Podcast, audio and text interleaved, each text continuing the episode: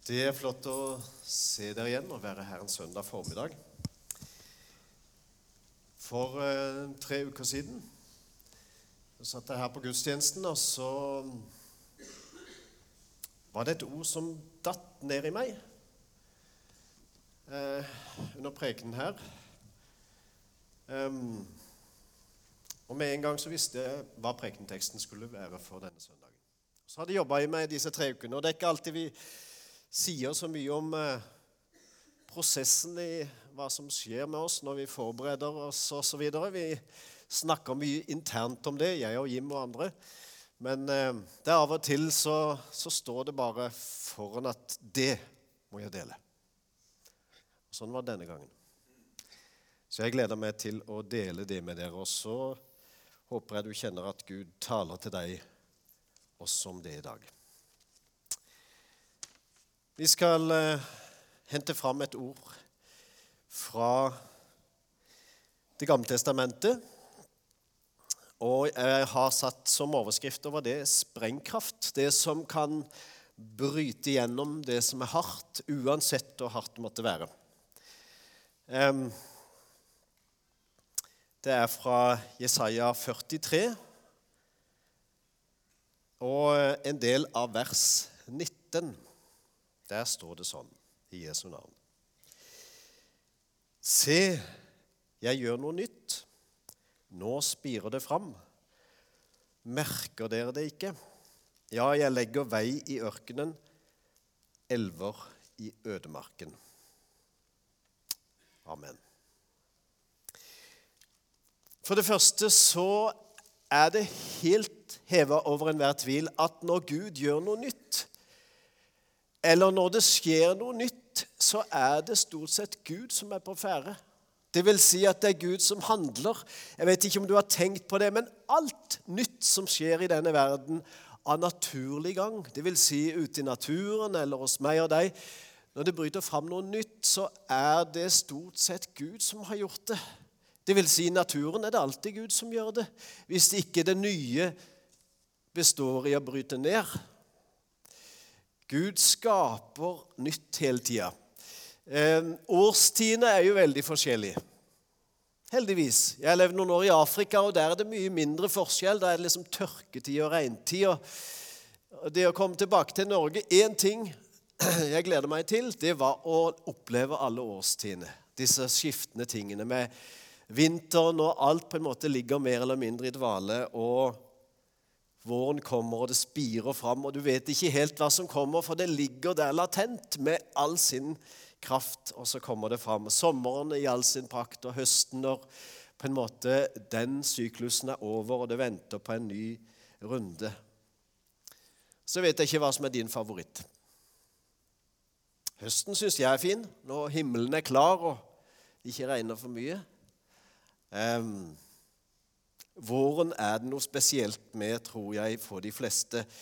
Noen eh, har problemer med allergier, og de kjenner at våren er en utfordrende ting når ting begynner å spire. Men sprengkraft, det er det Gud som står for. Gud gjør det nye. Og det er det jeg vil si litt om i dag. Det nye kommer fra Gud. Og jeg spør meg òg er vi sensitive nok til å merke det nye som skjer. Og det er et annet stort spørsmål som vi skal stille oss i dag. Ser vi faktisk at Gud handler midt iblant oss?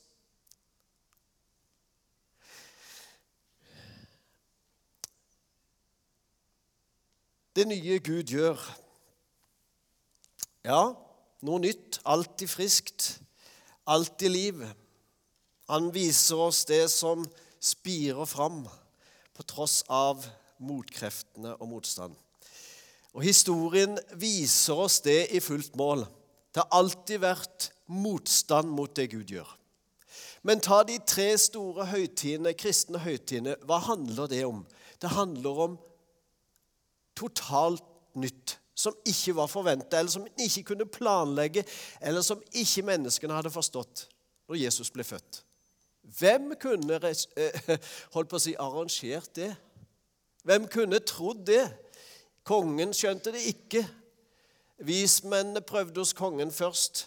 Eh, Andre skjønte det ikke før det skjedde, og de hadde ikke en anelse om hva det ville føre til, dette lille barnet, født i en helt vanlig, fattig familie. Noe helt nytt. Ta første påskedag. Ingen kunne fatte det. Disiplene, selv om de hadde hørt det sagt av Jesus mange ganger, de skjønte ikke at Jesus hadde stått opp igjen, brutt døden og gjort noe helt nytt. Første pinsedag, jo da, de fikk beskjed om å vente, men når det først skjedde, så hadde de aldri trodd at det var det som skulle skje. Noe helt nytt, noe uventa, noe som ingen kunne greie å forestille seg.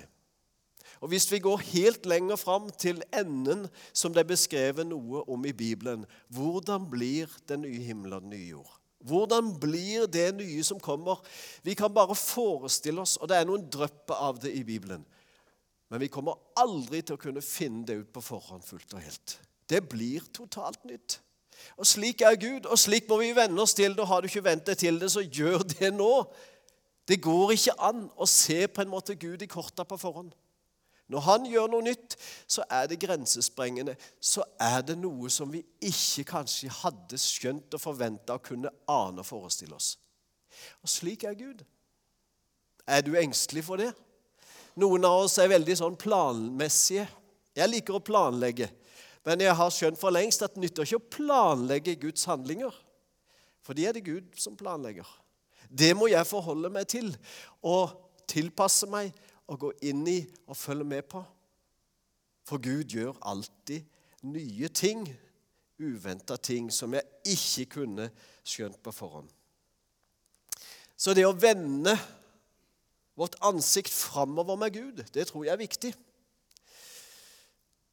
Denne teksten er litt spesiell i Det gamle testamentet. Se, jeg gjør noe nytt. For i verset før så står dette her, altså. La oss lese det. Der skal ikke minnes de første ting. Ikke tenke på det som hendte før. Dette er profeten Jesaja som sier. Profetene de sa ofte nå må dere huske på det som skjedde før. For eh, israelsfolket roter seg stadig bort i avguder og blanda inn ting og, og forlot Gud og drev med andre ting. Og Da kom profeten ofte på banen og sa nå må dere vende tilbake til det dere hadde fra før. Det som var bra, det som var viktig, det som var godt. Vend tilbake til det.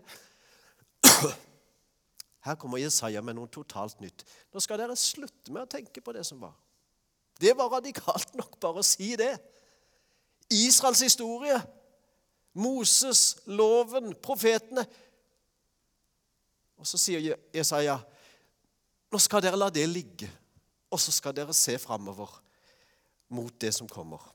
De første ting, altså U-sving forbudt, det handler om å gå framover. Det kommer noen veikryss av og til der vi har kjørt så feil at vi må bare den andre veien.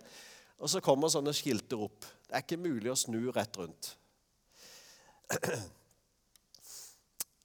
Jeg var på en misjonsreise i juni.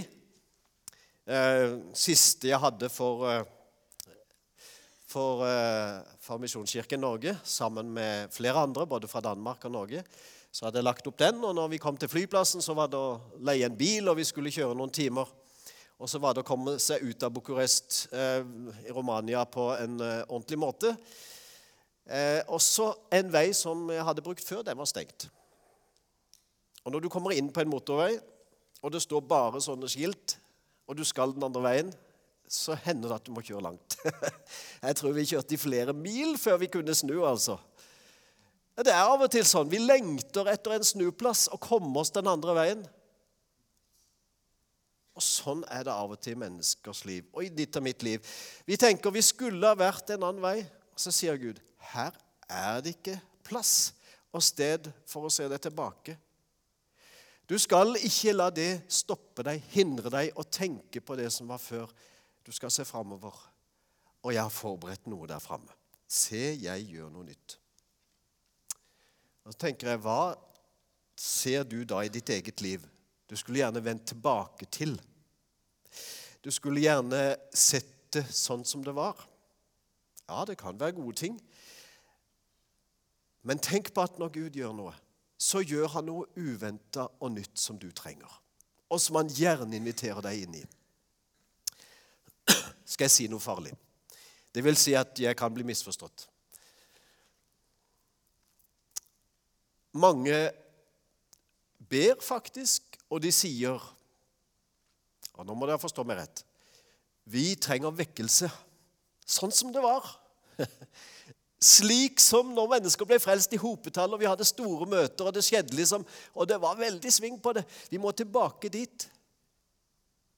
Og så hører jeg noe da, av og til. Og så hvisker Gud i mitt hjerte det er ikke sånn jeg skal gjøre det igjen. Hvis vi henger fast i slik som det var en gang, så kommer vi aldri til å se det Gud gjør i dag og i morgen.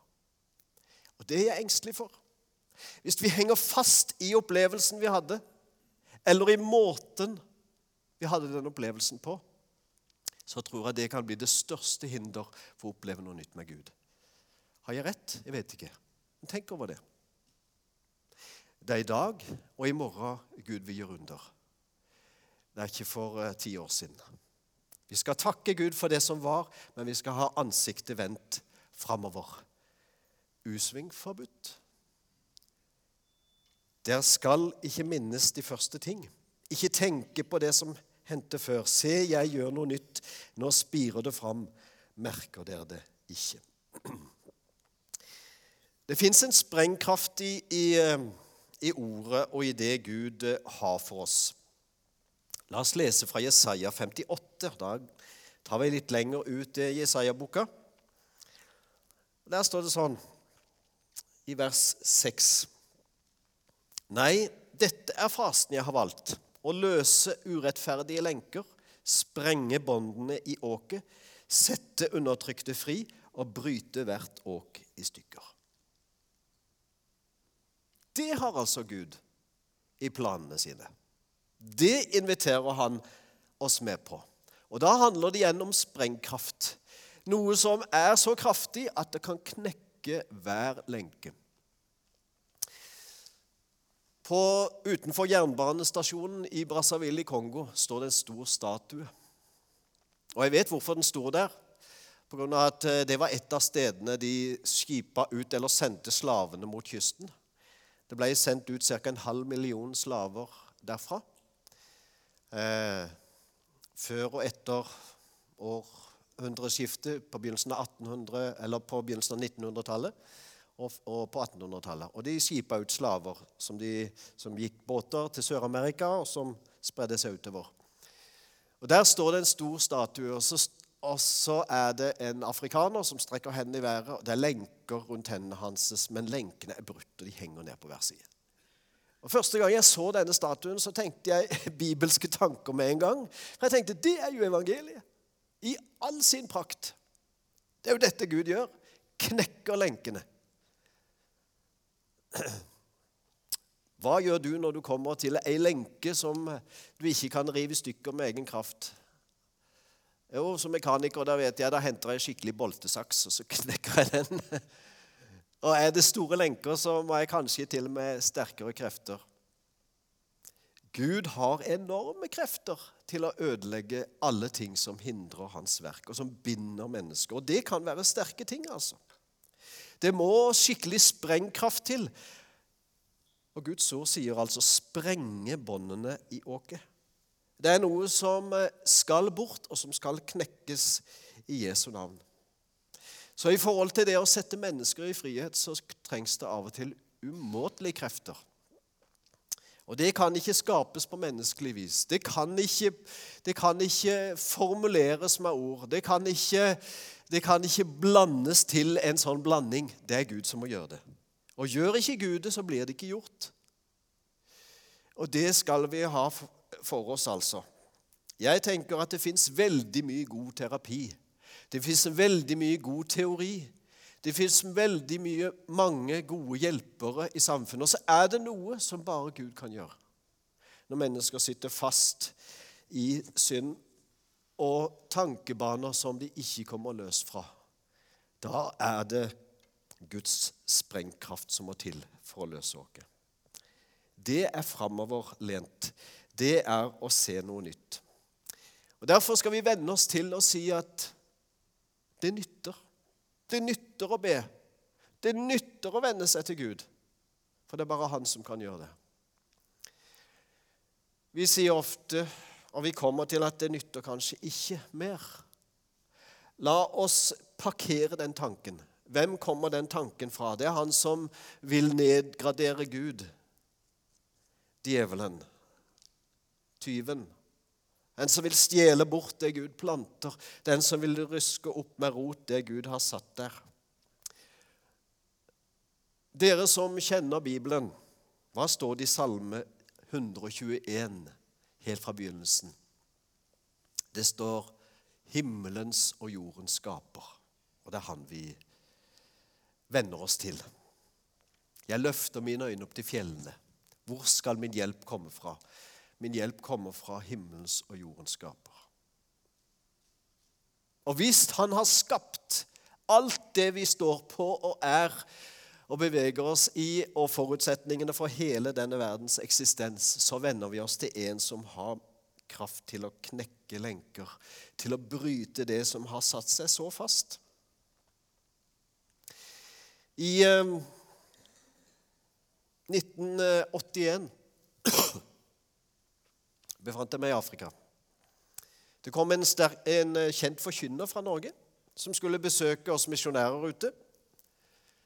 Um, og Vi henta han på flyplassen, og det var første gang han hadde vært i Kongo i Afrika. i det hele tatt. Han kjente ikke kulturen, han kjente ikke språket, ingenting, så han var avhengig av oss misjonærer til å tolke og, og rettlede han. da. Så, så, spør han meg det første spørsmålet han spør, for han skulle holde noen eh, prekener og, og undervise Eh, for han var en leder, så det var forventa at han skulle tale da. Så sier han til meg, 'Jeg vet ikke hva jeg skal si.' Hva skal jeg si i denne verden her? Jeg kan, jeg kan preke i Norge. Det har jeg gjort hundrevis av ganger. Jeg har vært evangelist, og jeg har vært leder. Og det på en måte mestrer jeg i en eller annen form. Men her mestrer jeg ingenting. Hva skal jeg si til mennesker? Jeg kjenner ikke deres forutsetninger, jeg kjenner ikke kulturen. Jeg kjenner ikke hva det beveger seg Jeg sa jeg vet hva du skal si, og så må du forme det med egne ord. da. Men, men jeg vet hva du skal si, og så vet jeg hva du ikke trenger å si. Du trenger ikke å si at det fins en Gud. Det vet alle. Ingen vits i å begynne å preke om at det finnes en Gud. Alle tror på Gud. Men det er en mangel som fins mange steder, og det er at de vet ikke hvem Jesus er. Og de vet ikke at Gud er den sterkeste. For de tror på en skapergud, og så er de veldig klar over at det fins en ond makt og, og, demoner og ting som bryter. Og så lever de i denne redselsspenningen mellom det onde og det gode. Så sier jeg du skal forkynne at Jesus kom, og han døde, og han har brutt dødens lenker. Jesus er den sterkeste. Takk, sa han. Og de prekene som kom, det handla om det. Jesus er altså den sterkeste. Sprenge båndene i åket.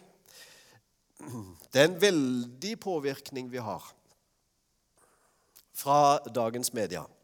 Vi kan ha på en måte en veldig eh, påvirkning på våre liv. Vi kan åpne telefonen, vi kan åpne eh, en PC eller sette på TV-en, så har vi en enorm eh, strøm av informasjon og påvirkning. Og Så spør det hvordan lar vi oss påvirke av Gud? For Gud er sterkere enn alt annet. Gud er sterkere enn alt annet også i ditt liv. Og Da må vi bruke Guds krefter til å la det gode spire fram. Det ligger noen løfter i fortsettelsen av det verset vi leste fra Jesaja 58.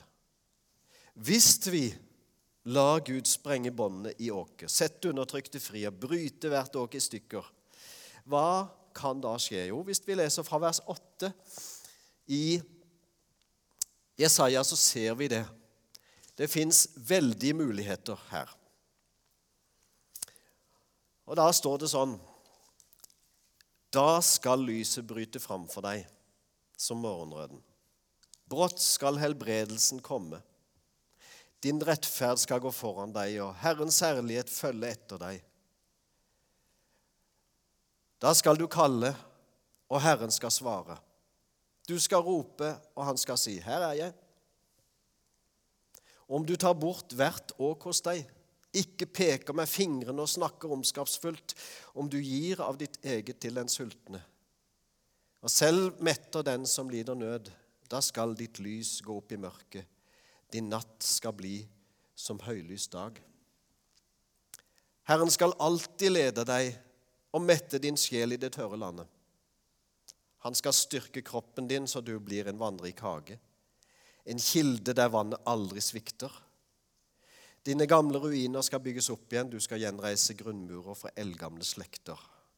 Du skal kalles den som murer igjen revner. Den som setter i stand veier så folk kan bo der. Hvilke løfter! Om vi lar Gud begynne å bryte det åket som djevelen har satt på vår tilværelse, vårt liv, våre familier osv. osv. For det har han ofte gjort. Og vi trenger en sprengkraft til å få det bort. Til å parkere det, til å sette det på sidelinja og begynne å vende ansiktet framover igjen.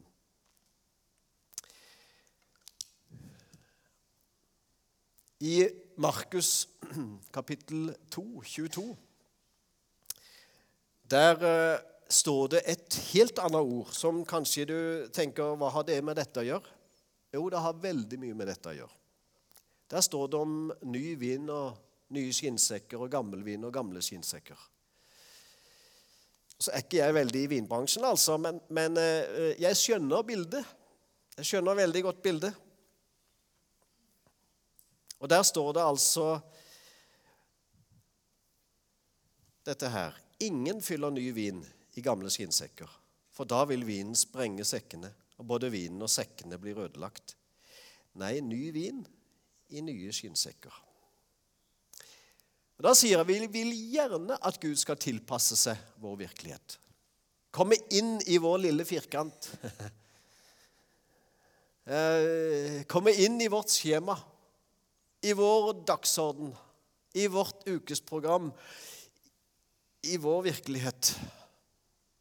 Og så er det på en måte å begynne i feil ende. For Gud inviterer oss inn i sin virkelighet. Og hvis vi ikke forstår den forskjellen, så kommer vi aldri videre. Så er det altså at vi prøver å ta en U-sving tilbake til det som vi trodde vi kunne og kjente og trodde var Gud. Hvis vi ikke skjønner at det er inn i Guds virkelighet vi må Det er Han som både må skape nytt, det som skal være innholdet, og det som innholdet skal rommes i. Og Hvis vi prøver Guds innhold inn i vår trange virkelighet, så vil vår, vår virkelighet ødelegges på en måte. Det vil sprenges i stykker. Og vi vil også tape innholdet det Gud kommer med, hvis vi prøver å fusjonere de to størrelsene. Vi må inn i Guds virkelighet, ellers så blir det ingen ny virkelighet i det hele tatt. Så vårt system det må utfordres av og til. Jeg vet ikke hvordan du er, men jeg kjenner litt på at det utfordrer meg av og til. For jeg kan liksom tenke meg en eh, viss eh, omkrets der Gud må gjøre noe i mitt liv, eller i min, eh, min, min virkelighet.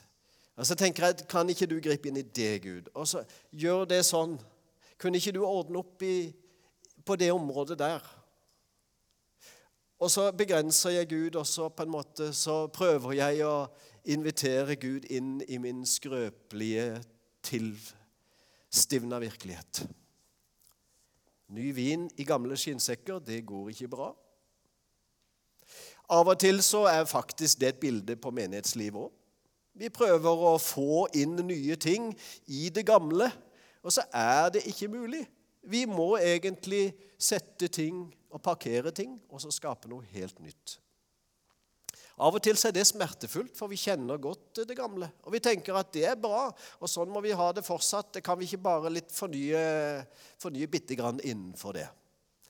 Og så er det bare at disse tingene er ikke alltid mulig å gjøre. Av og til så må det noe helt nytt på plass for at Gud skal kunne få ut sitt potensial hos oss. Eller at vi skal kunne komme inn i Guds virkelighet med rette ord. Derfor må vi utfordres på tanken, både om form og rom og måte av og til. Det er vanskelig. Heldigvis har jeg vært privilegert. Jeg vil si det. Jeg har vært veldig privilegert de siste 12-13 årene og fått reist veldig mye.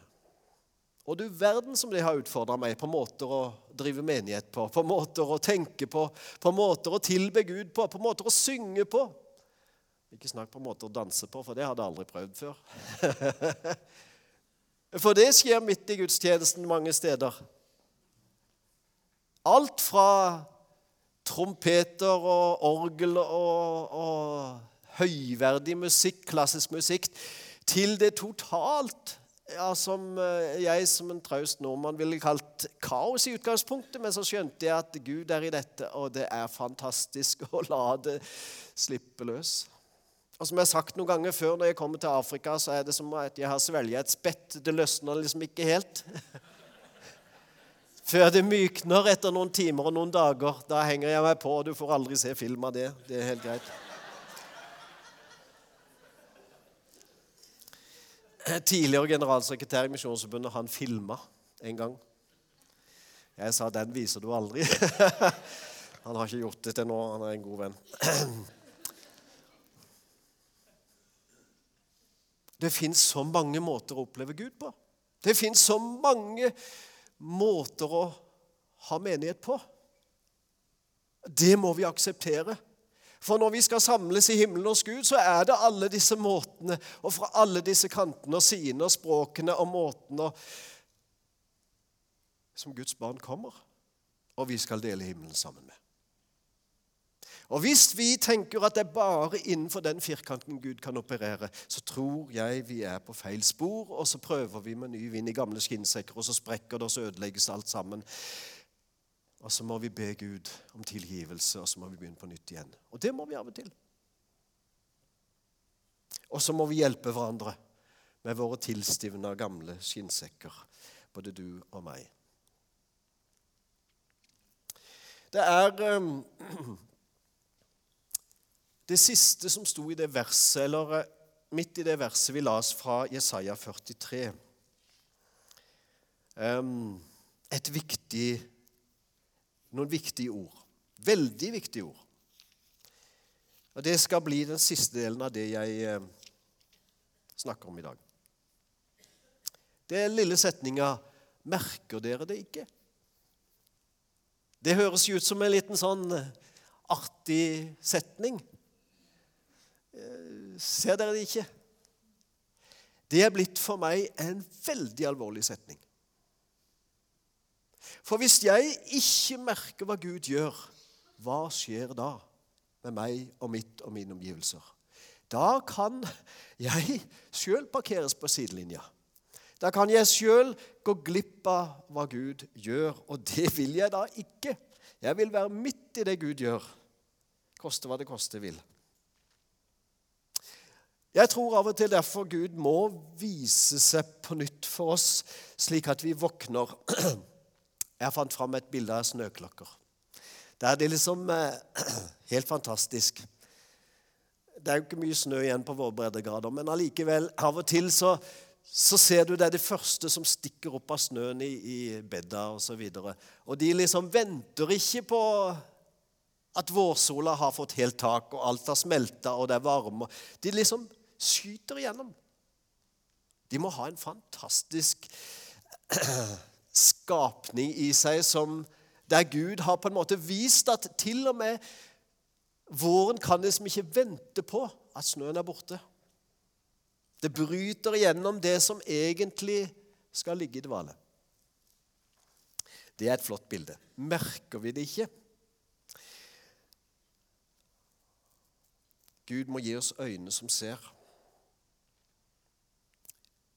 Jeg tenker at Gud gjør mye som går oss hus forbi.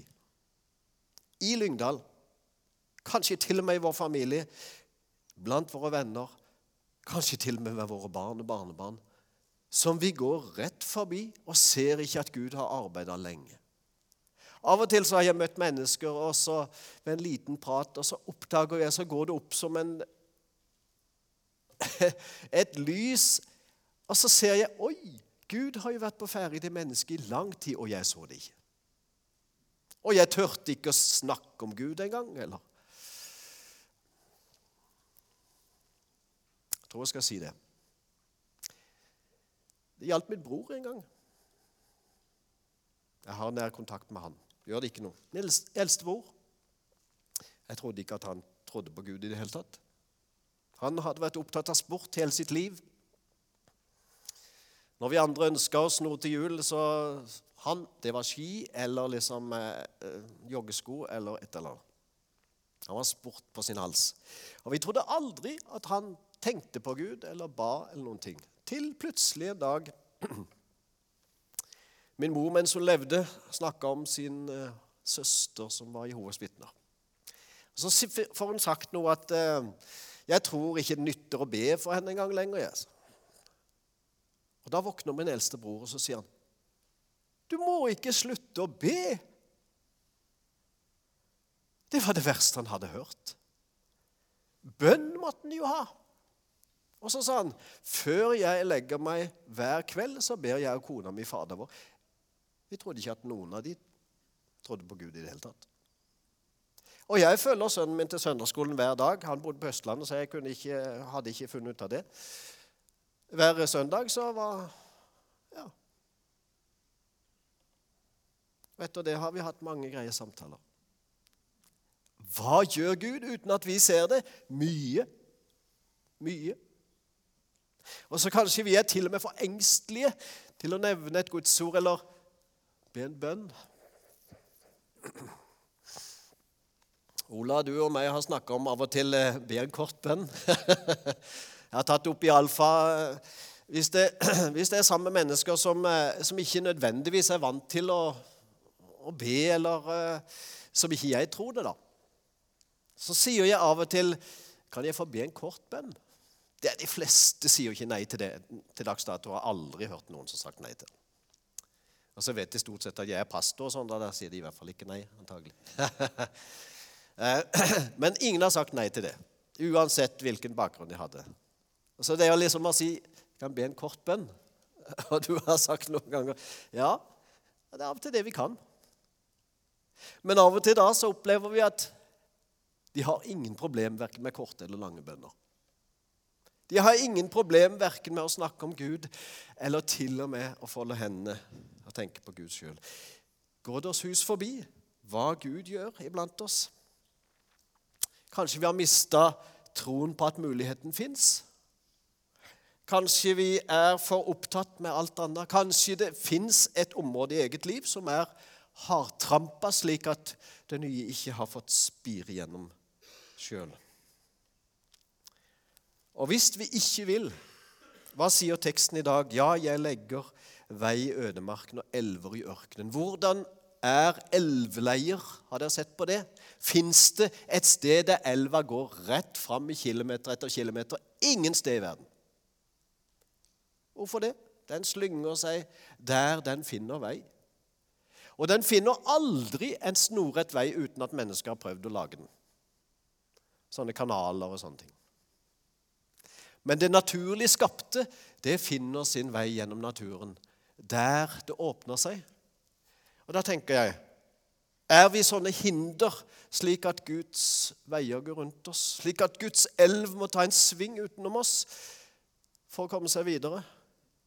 Og Da blir vi parkert, dere. Hvis Gud med sin gjerning går rundt oss for å komme fram. For han kommer fram. Og han gjør sin gjerning med eller uten deg og meg. Det må vi være klar over. Jeg er ikke sånn sett umistelig for Gud. Jo visst, Gud døde for meg. Han vil at alle mennesker skal bli frelst. Men Guds gjerning og hans plan, den gjennomfører han med eller uten deg og meg. Og da tar veien et annet sted, og vi blir stående på sidelinja. Derfor den teksten. Se, jeg gjør noe nytt. Nå spirer det fram. Merker dere det ikke?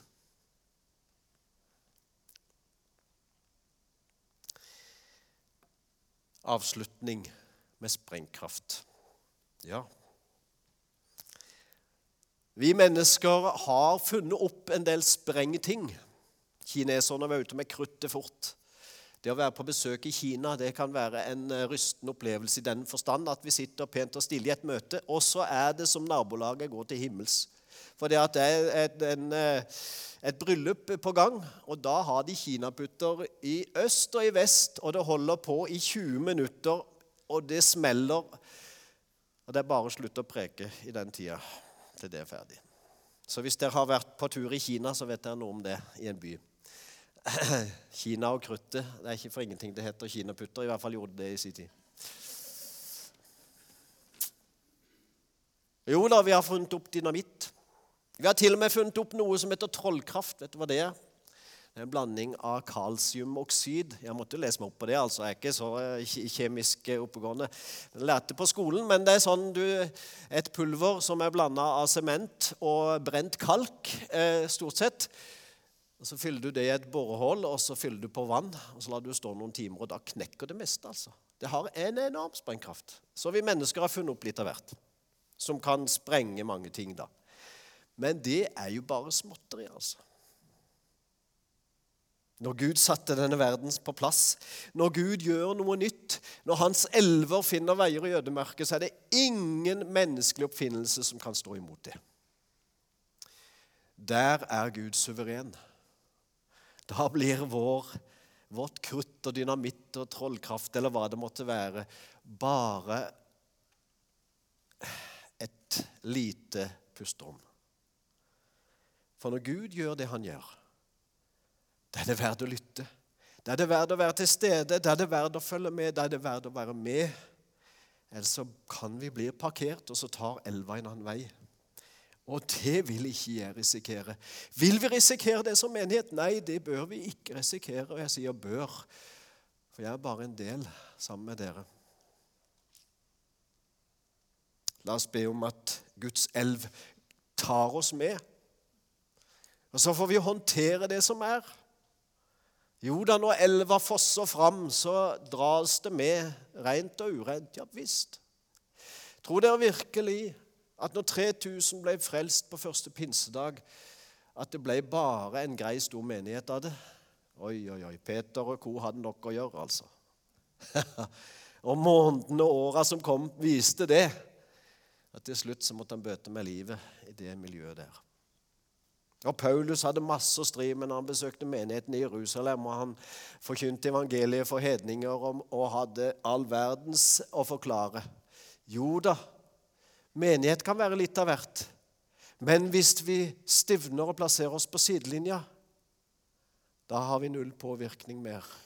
Og da er det første trinn på vei mot undergangen. Hvis vi vil være med, så må vi være med der Gud lar det spire fram. Der Han tar oss med i den elva som finner sin vei. I ødemarkene, i ørkenen, vei og elv og Guds ord det vender ikke tomt tilbake, altså. Fins det hardtrampa stier i ditt liv? Fins det områder der ikke på en måte, der ikke løvetanna greier å presse seg gjennom asfalten engang? Ja, så er det tid for å finne måter å gjøre noe med det på. Vi skal ha nattvær i dag. Vi skal ha forbønn i dag. Du kjenner kanskje venner som du kan snakke med, som kan be for deg. La oss bruke de muligheter vi har. For nå lar Gud det spire fram. Og han gjør det for deg og meg. Amen. Herre Jesus, takk for at du er her. Og takk for at du ikke har til hensikt å parkere oss, Herre. Du inviterer oss inn i din virkelighet igjen og igjen og igjen. Og Vi takker deg for det du har gjort inntil i dag. Du har frelst mennesker. Du har gitt oss liv, vi som er her, Herre Jesus. Vi kjenner oss sjøl, hver enkelt. Og så sier du at vi ikke skal snu oss tilbake. At vi ikke skal ta en U-sving og leve i historien, vår egen historie, men vi skal se det nye som spirer fram, og du inviterer oss inn i det. Herre, hjelp oss med vår form, vår måte, vår tanke, vårt lille sted, vår lille firkant. La oss parkere det, Herre Jesus, så du får skape både innholdet og formen som det skal være i. Og så vil vi være med. Det er der livet ligger. Og En dag, Herre Jesus, så har du sagt at du skal gjøre alle ting nye i evigheten. Det blir ingenting som her, Jesus. Det blir ingen form igjen som her. Der har du alt nytt skapt for oss, Herre Jesus. Det vil vi være med på. Der vil vi komme. Og inntil da så inviterer oss du, du oss inn i din virkelighet med det nye du lar spire fram, også for oss i vår tid. Amen.